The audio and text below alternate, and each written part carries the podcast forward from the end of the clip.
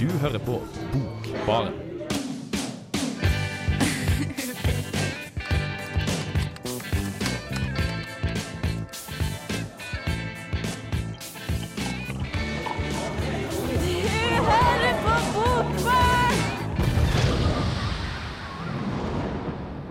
Velkommen til Bokbarn.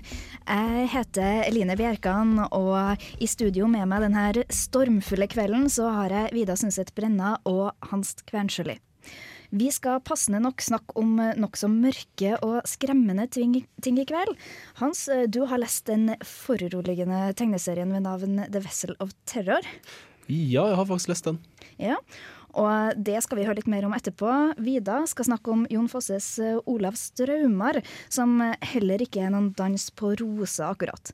Men for å lyse opp stemninga litt, da, så skal vi også ha en oppdatering på litterære arrangement som har foregått på Samfunnet. Men først Olavs drømmer, Vida. Ja, jeg må jo få lov til å si at uh, det er litt kjærleik i, i Olavs Draumer, men det er det, ja. Uh, ja. Men det er mørkt. Det er mørkt.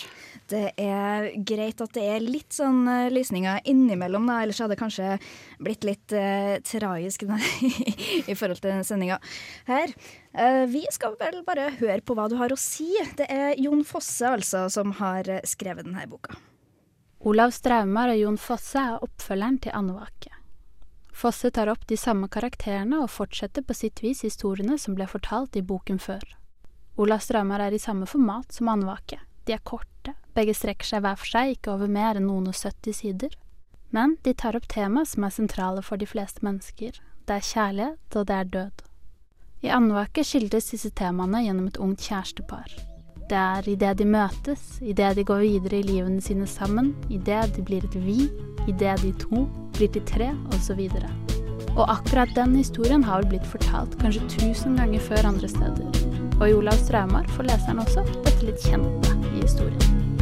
I Andvake er hovedpersonene Asle og Alida vart skildret. Med et enkelt, men selvfølgelig ikke platt språk bygger Fosse et skjørt reisverk som sørger for at det akkurat går bra med dem. For det er hele tiden et eller annet som gir deg som leser en følelse av ubehag. Derfor blir den videre fortellingen i Olavs drømmer mer preget av at det som ligger som et uromoment under hele teksten i andvake, kommer frem til overflaten. Som i starten på denne boken, som begynner med et navnebytte. Nå er de altså Olav og Åsta. Men det er for det meste Olav og Olavs tanker, drømmer, som kommer til uttrykk i boken. Historien hans fortelles gjennom en strøm av ord og setninger som gjentar seg rytmisk, men også fortellermessige hopp frem og tilbake mellom Olavs nåtid og Olavs fortid. Olavs traumer er tidsmessig lagt til et litt udefinert middelalderbergen. Fosse bruker ikke middelaldersettingen aktivt. Det er helt klart en tid som har vært, noe tilbakelagt, men ikke noe leseren trenger å henge seg for mye opp i. Det plasseringen tidsmessig derimot gir, er et rom hvor historien kan utspille seg uforurenset og tydelig. For det er jo altså ingen biler eller asfalt som kan forkludre det til for Olav. Men likevel blir menneskene i boken redde og ensomme, og ganske grusomme. Og menneskene i Olavs traumer, de har du møtt før. Akkurat som du har en vag forestilling om en middelalder som har vært, er karakterene til Fosse også kjente fra før. I andvaket så man Asle og Alida i et nesten for opplagt bibelsk motiv, som et ungt par som venter barn på jakt uten hell etter husly. I Olavs draumer får du se en gjerrig kjøpmann, den gamle, skumle mannen, den platte, men alltid velmenende unge mannen, og i tillegg Olav, som vandrer mellom disse folkene og drømmer om en forgjeves om en lykkelig, ubekymret tilværelse med sine kjære. Og da kan man opplagt spørre seg om Olavs draumer er en sjablong, Altså en sjablong med et fiks ferdig mønster hvor Fosse har spraymalt inn en fortelling. I fortellingen er det ingen overraskelser, den kretser rundt noe man kjenner fra før, og dermed blir handlingen også opplagt, du ser den på forhånd, uten at du trenger å bruke noe heftig tankevirksomhet. Og dette er også knyttet til drømmer, for først kommer jo andvake, som betyr noe sånt som en mellomtilstand mellom søvn og våkenhet. Og videre kommer opplagt Olavs drømmer, begge deler kan man knytte opp til drømmer i kvad, i Edda, eller kanskje heller i Draumkvedet, som jo handler om en Olav som drømmer seg opp mot himmelriket. Og det som gjerne er felles for sånne drømmer, er at de peker fremover, eller opp altså, mot noe som skal skje. Og det er denne følelsen som ligger tett utenpå handlingen i Olavs drømmer, det kan bare gå én vei. Men den opplagte historien gir til leseren også, for den er skrevet med Fosses umiskjennelige språk og med hans evne til å fortelle om det helt grunnleggende og store på den helt enkle måten. Og dette får leseren til å likevel følge med på historien. Til tross for den jo så utrolig velkjente strukturen i boken. Og siden Olav Straumar er så definert en oppfølger, blir det vanskelig å lese den uten å tenke på Andvake. Sånn er det bare. De kan også selvfølgelig sammenlignes, og det blir raskt tydelig i lesningen av Olavs drømmer at historien ikke helt har alle de samme vakre kvalitetene som Andvake. Olavs drømmer er i alle fall annerledes, tross den påfallende like innpakningen. Dette handler kanskje om at i Olavs drømmer er tematikken litt snevrere, og at det er Olav man for det meste følger. Men det er spennende og underholdende å komme frem til den opplagte slutten. Og i tillegg virker velkjentheten i tematikk og skikkelser som noe som nettopp knytter leseren til teksten. Og det gjør Olav Straumer til en bok det føles trygt å være i. Olavs drømmer, altså, Vida. Og du snakka jo om at det her var en oppfølger til Andvake, som er noe sånn som søvnløshet. Ja, eller en slags eh, Jeg tenker nesten rem-søvn. Ja. at man nesten er våken, men ikke helt. Det er i hvert fall det andevake betyr, for andevake kom jo da i 2007. Mm. Um, og nå har uh, Jon Fosse kommet med en oppfølger, og det er Olav Straumar. Og så vidt jeg vet, så er det den eneste boken Jon Fosse har skrevet som er en direkte oppfølger. Ja, Og hvordan har det her gått? Fordi Jeg har jo lest litt sånn kritikk av denne boka, og det virker som en, et gjennomgående synspunkt da, at uh, oppfølgeren skuffer litt i forhold til den første boka. Ja, for jeg, har tenkt mye på det. For de to bøkene er så utrolig like i lengde og, og i språk og i uh, ikke minst uh, layout. Hvordan de ser ut på utsiden. Akkurat de samme fargene og nesten akkurat den samme forsiden. Uh, og hva som skjer med, med, forventningen til leseren når du får servert en så lik bok som likevel er en oppfølger som på en måte skal bringe deg videre. da. Mm. og det som var med Andvaker, var at den var jo helt, helt strålende, syns jeg, da jeg leste den første gang. Uh, den har et eller annet ved seg som er eh, nesten magisk. Eh, og så leste jeg da eh, Olavs Draumar, og så var det kanskje ikke like gripende. Men likevel så, så er det jo en god bok. Og, og, men jeg ble veldig farget av, av, en forventning. Er det sånn at man må ha lest opp, eller første boka da, for å forstå oppfølgeren? Ja, og det er jo kjempe, kjemperelevant å lure på, og, og det tror jeg. Mm. Fordi uh, Olav Straume står seg ikke godt alene, tenker jeg, da. Mens Andvake vil jo stå godt alene. Så det er en egen historie? Det er en egen historie som kanskje ikke nødvendigvis trenger en, en oppfølger, for den slutter på en ganske rund måte. Mens uh, Olav Straumar blir mer en slags sånn uh, uh, en toer, og det er jo kjent med at toerne kanskje ikke akkurat alltid duger like bra som eneren, men, men så kommer treeren, tenker jeg da. For det her, er, altså det her, skal utvikle seg. Vet du om det skal komme mange bøker i serien, eller hva? Nei, eh, ikke så vidt jeg vet, eh, og jeg tror ikke det. Men, eh, men i Olav Reimer så handler det bare om den ene av et par, ikke sant. Mm. Så man kan jo tenke seg at, at damen, Åsta, eller Alida, som nå heter i Andvake, kan komme inn og fortelle sin historie på et eller annet tidspunkt. Ja. Eh, det som, jeg har jo ikke lest de her bøkene, og det som slår meg med det første, da, når, du, når jeg hører hva du sier om den, er det her eh, paret som vandrer rundt, og så er hun Alida høygravid. Det er jo veldig Det, det er jo referanser til det bibelske her. Det er det helt klart, og det er utrolig tydelig uh, i Andvake. Mens man beveger seg over til Ola Straumar, så blir det andre ting som som er tydelig, som jeg også snakket om, som er de der trygge referanserammene som, som du kjenner så godt igjen fra før. At det er, mm. det er nesten stereotyper som du møter i boken. Uh, og det skygger egentlig litt over, for jeg endte jo opp med å si at det føles trygt å lese Olav Straumer, men egentlig må jeg moderere meg litt, for det er jo en ganske guffen bok. Ja, det, altså det er drap, og det er utrivelige ting som skjer, og, og, og altså det er strevsomt. Dette her, er, det, er det en bok som du kan anbefale til folk eh, flest? Ja, absolutt. Mm. Det, det, vil jeg si. Uh, men, uh, men, du får jo, etter å ha bygget opp en slags sympati med, med en karakter i én bok, så blir den kanskje litt brutt ned nå. i denne boken. Og det er jo alltid litt uh, slitsomt. Men, men, likevel så tror jeg det er noe som mange kan lese og like. Så bra. Da er det en anbefaling der fra Vida, altså. Mm. Vi skal over til andre ting som heller ikke er kjempe Eh, kjempelett og lystig, kan man kanskje si. Det er så, lystig, er så, jeg blir så glad inni meg av den slags ting. Hans, fortell om hva du har lest. Jeg har lest en tegneserie som heter uh, The Vessel of uh, Terror, skrevet av en uh, fyr som heter Magnus Aspli. det er jo en tegneserie som skriver seg inn i en sjanger som ikke er kjent for å være særlig koselig. Da. Det er en avsmak av horror som ble starta av HP Lovecraft for noen år siden. Mm. Jeg tror egentlig at vi bare kan høre litt på hva du har å si om den først, og så skal vi ta et dypdykk inn i det her uh, mørke, skumle greiene etterpå. Det finnes store dyp i havet vi mennesker ikke har utforsket mer enn 10% av. Her, i totalt og altomsluttende mørke, lever omtrent 90% av livet på denne kloden. Dette er de dypene, så kjent som abyssalsonen, et navn som konnoterer til det bunnløse hav og det mørke som hersker her nede. Her lever det skapninger som blitt utformet av mørket og det enorme trykket. Fisk styggere enn Satan og blekksprut som får de arter som lever nærmere overflaten, til å se som krill. I lange tider har mennesker funnet på fortellinger om det som lever her nede. En enorm vev av skrekkfortellinger fra havet. Midgardsormen, Leviathan og kraken. Enorme beist som levde i det sollyse dyp. Selv om virkeligheten nok er litt mindre, vet vi nesten ingenting om hva som skjuler seg her nede.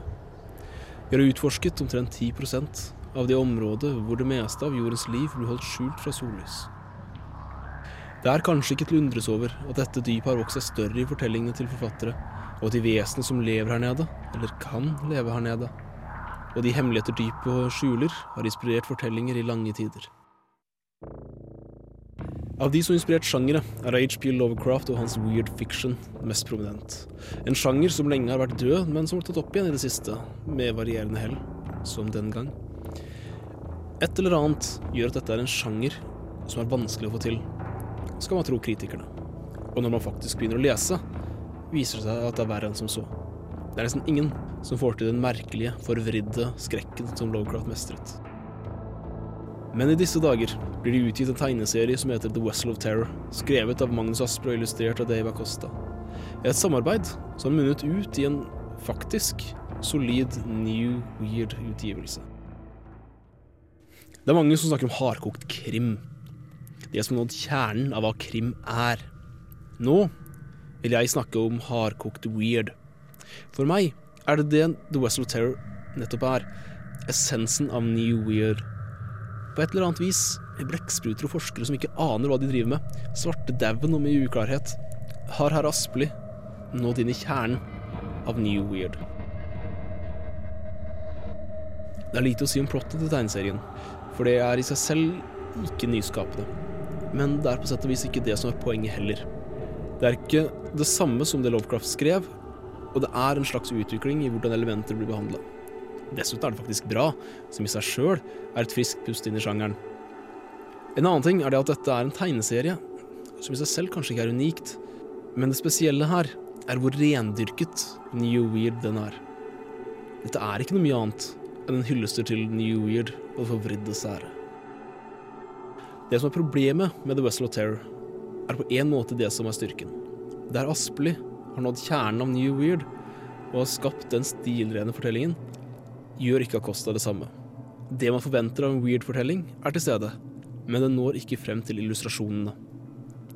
For meg er dette problemet med tegneserien, fordi jeg forventa meg illustrasjoner som skulle vise frem det forvridde sære. Det jeg fikk, var illustrasjoner som var rene, klare og definerte.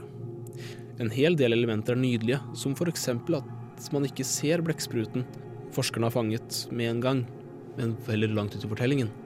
Men tross dette, det blir for rent, for klart ikke forvridd eller sært nok. Det er mulig at jeg har for klare tanker om hva sjangeren skal inneholde og hvordan de forskjellige mediene skal brukes. Men tross illustratørens arbeid her, syns jeg likevel at The Wessel Terror er leseverdig, og vil anbefale til den som allerede er litt bevandret rundt i New Weird. Selv om det bare er mitt utgangspunkt, er det godt mulig at dette er en ypperlig innledning til det forvridde særet. Nettopp fordi det er noe her som er fast. Det er noe som er definert. Til forskjell fra det bunnløse sluket av mening som New Year til tider kan være.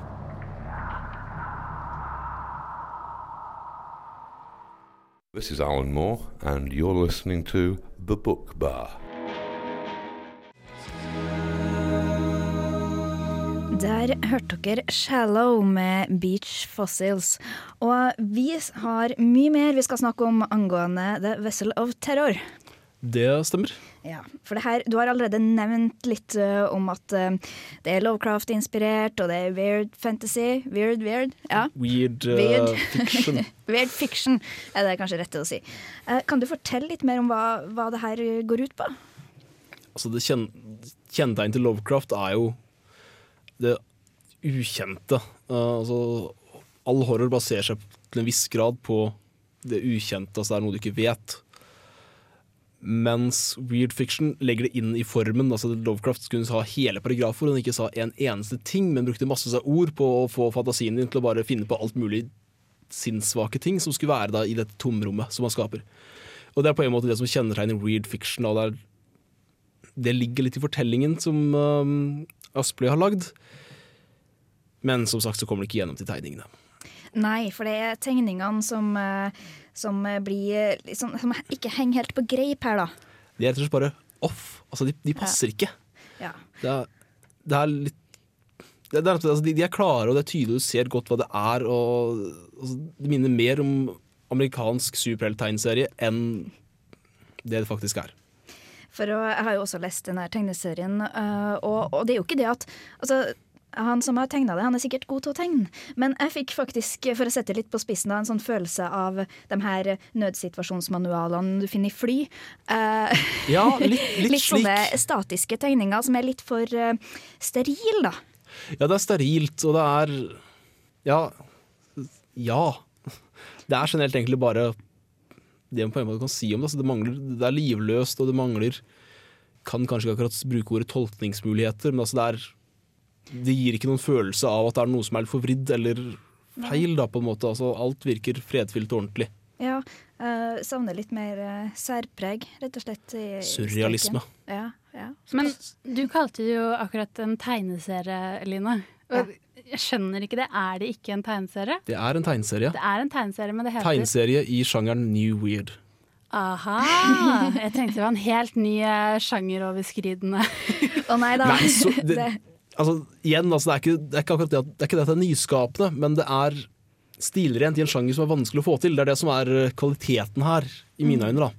Ja, for det snakka vi jo litt om tidligere, at det her er ikke noe, det er ikke noe nytt. Men likevel så ble vi begge veldig revet med, og jeg leste jo ut Jeg tenkte ikke at jeg skulle lese ut hele tegneserien på en gang, men eh, det ble jo sånn at jeg ble sittende langt utpå natt før ja. jeg leste ferdig. Ja, så den er henrivende. Det er den. Mm. Og det er bra.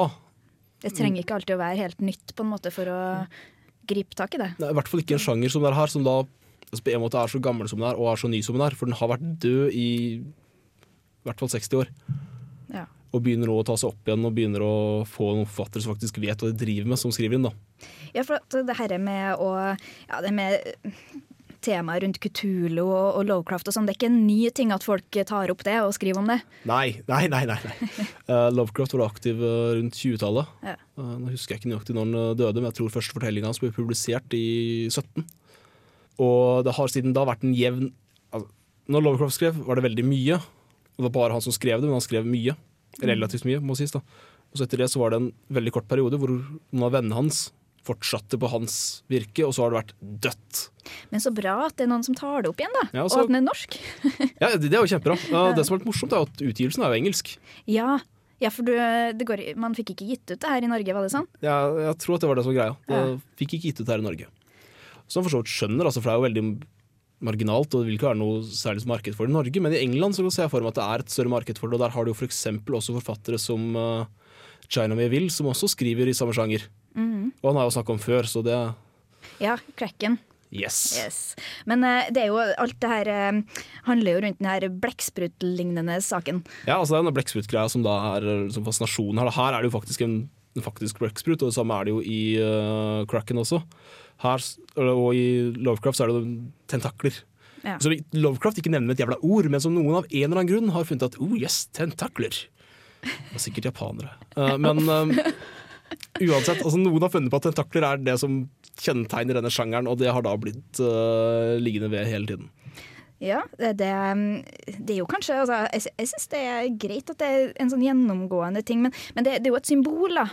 Det må man kanskje huske på. At ja, altså det blir jo en symbol for det ukjente, det blir en symbol for uh, det vi ikke vet noe om. og Lovecraft var jo veldig skeptisk til vitenskap, og det var veldig, veldig på den at vi, vi, kan Eller vi kan kanskje vite alt med vitenskap, men vi kommer til å bli spik spenna gæren av å få vite alt. Så derfor er det ikke veldig positivt. Det er vel en grei måte å avslutte det her på. Uh, er det en anbefaling, Hans? Ja, uh, så, men med litt forbehold, da, selvfølgelig. Men ja da. Da sier vi det. Og så skal vi fortsette å snakke om litt hyggeligere ting etterpå. Først får dere Puppet on a String med Night Beats. Puppet on a string der, altså. Vi skal bevege oss videre, for det har skjedd ting i Trondheim. Og det har skjedd ting på Samfunnet. Det har vært eh, bokstavelig talt, uh, som er arrangert da, av Kulturutvalget. Tore Rennberg var der, og jeg og Vida var også der. Det var vi, Elina.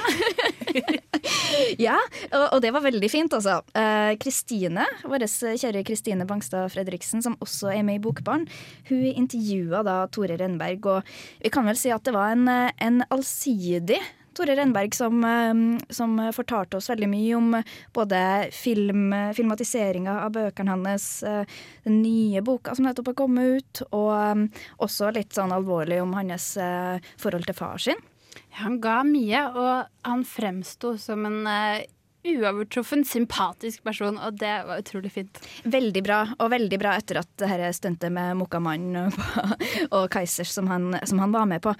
Uh, vi har da fått, uh, også fått oppklart at det var ikke øl i det Jo, det var øl i et champagneglass, det er derfor det så Det var ikke champagne, men det var øl ja, som ble helt over han her uh, Plumbo-fyren. Ja, Og så sto altså, Tore Renberg ved siden av og, og Ja, det var, det var Tore formante, Renberg. Ja, ja, Tore Renberg sin øl i Kaisersmann sitt champagneglass over Plumbo-mannen. Ja. Viktige ting har vi oppklart. Viktige Men det avklarte han veldig tidlig. Det var liksom ok, Nå er vi ferdig med å snakke om det, nå kan vi snakke om det er meg. Ja, og, og, han virker veldig sympatisk, uh, som sagt. Altså, jeg, jeg tilga han med en gang. ja. Det Men, gjorde jeg også. Men det var jo kanskje mest snakk om den her uh, siste romanen til Tore Renberg da, som heter 'Dette er mine gamle dager'. Uh, og Den kom i høst, og det er også her at uh, at Kristine spurte litt ut om forholdet til faren hans. da, og Den boka var på en måte en forsoning, sa han.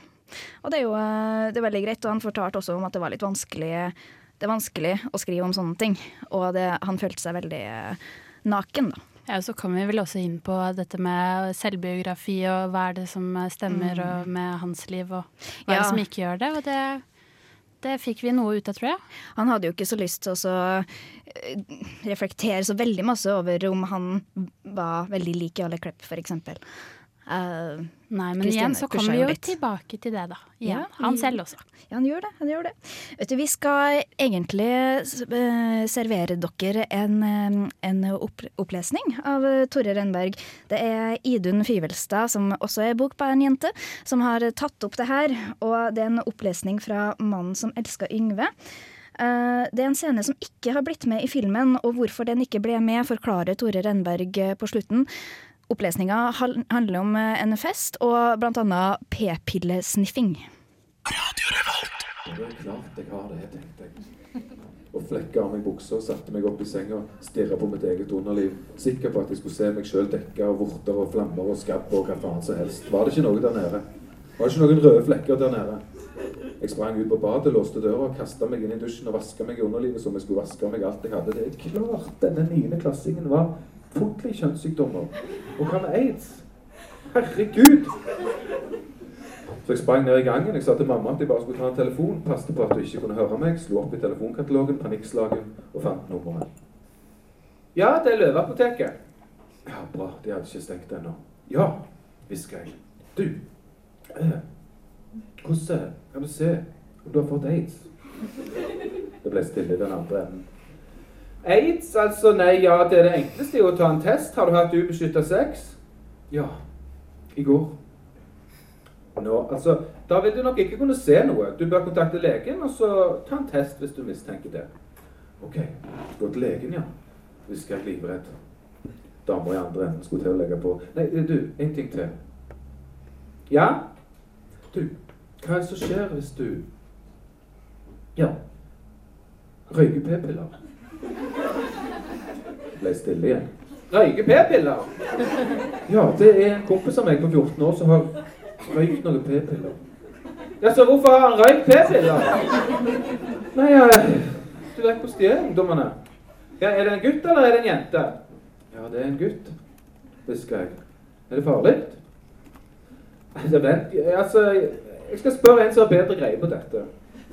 Det ble stille igjen. Jeg var kvalmen, jeg frøs, og jeg så at mamma satt og leste avisa i stua. Apotekeren kom tilbake. Ja, hvisker jeg. Der er du, ja.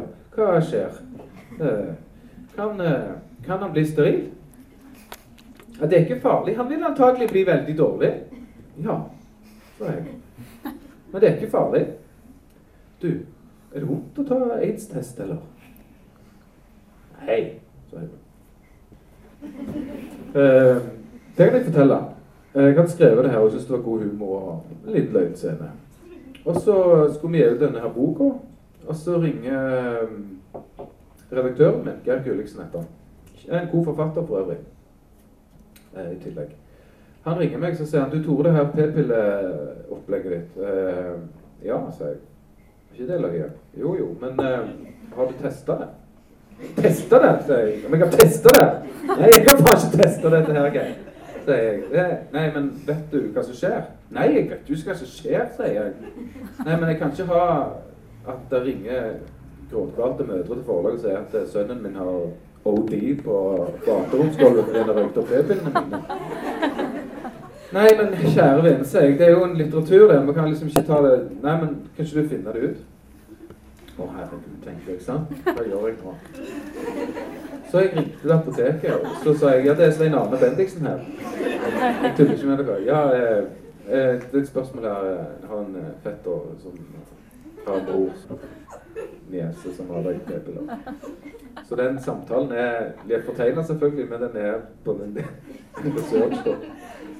Så da skrev jeg litt om. Radio ja, Revolt. du, Trondheims eh, vakre fjell og Nidelv ja, Det er Tore Renberg her. Dette er studentradioen i Trondheim, og du er jævlig heldig som hører på den. Der eh, fikk dere Kim and Jesse av M83.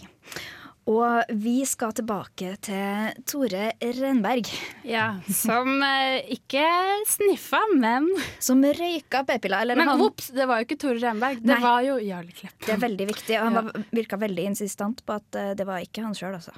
Nei, men det han hadde gjort, var jo faktisk å ringe til apoteket selv. Ja, For å sjekke om det var farlig på ordentlig å røyke p-piller. med dekknavn, altså. Jeg er veldig spent på altså, Jeg tror at den responsen han fikk, må nå være noe av det samme som han har skrevet om. Ja, det var jo det han sa.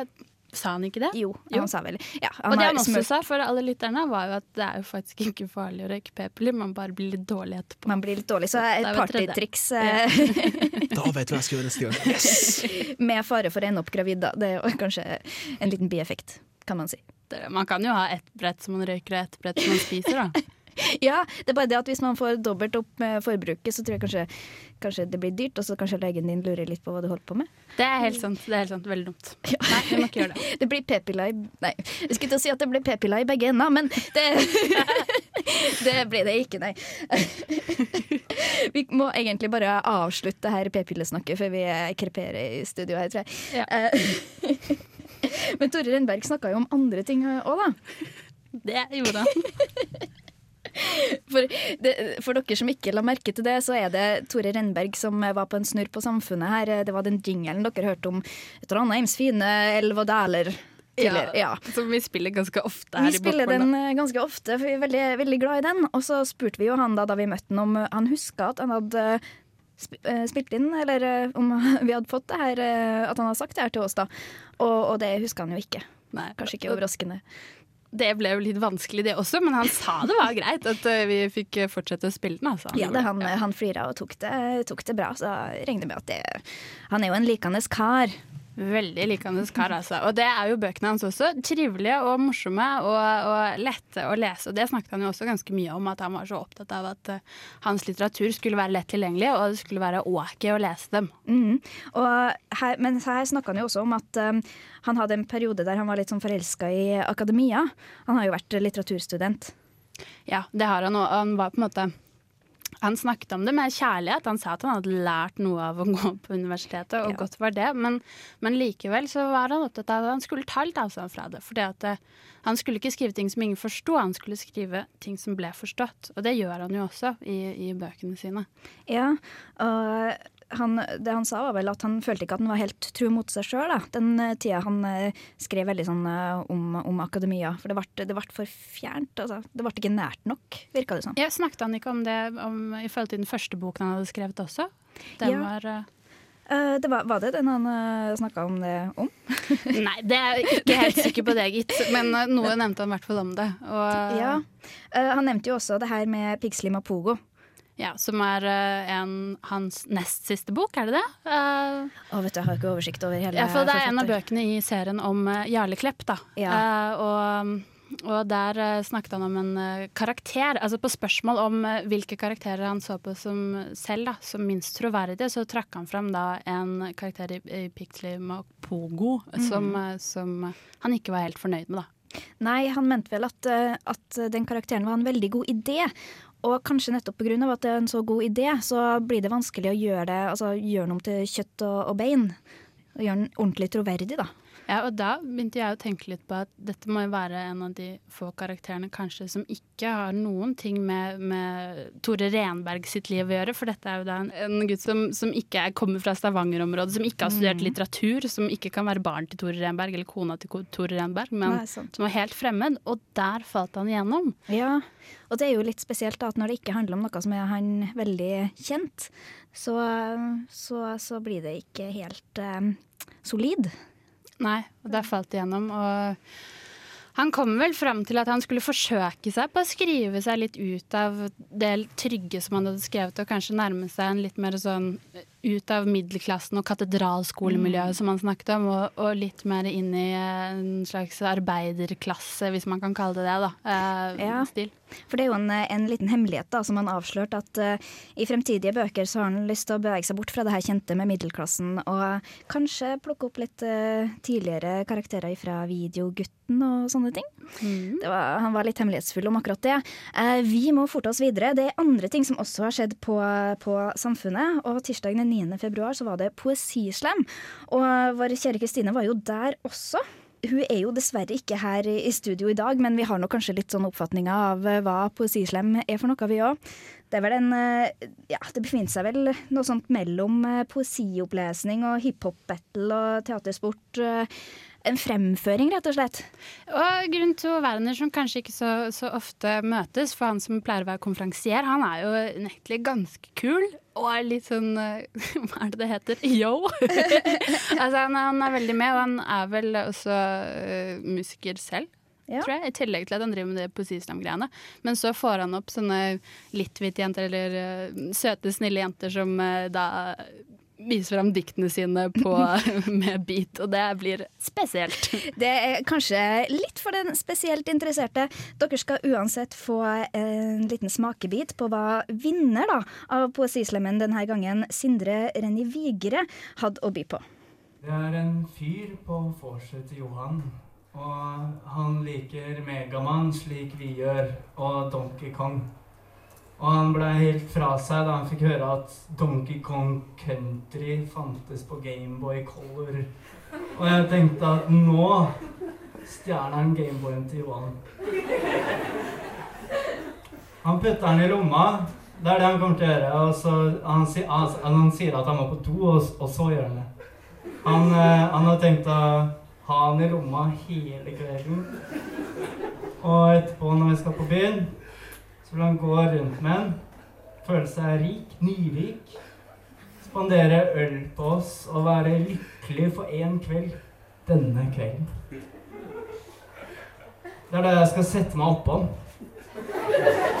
Jeg skal sitte oppå han, finne Gameboyen i lomma hans og si Why would you go into somebody's house and sit there and be their guest and steal their Gameboy? På engelsk. Mens jeg smeller den i huet med nevene. Igjen og igjen. Annenhver hånd. Kadong, kadong. Mens jeg brøler. Med slipset dinglende ned i trynet på han. Som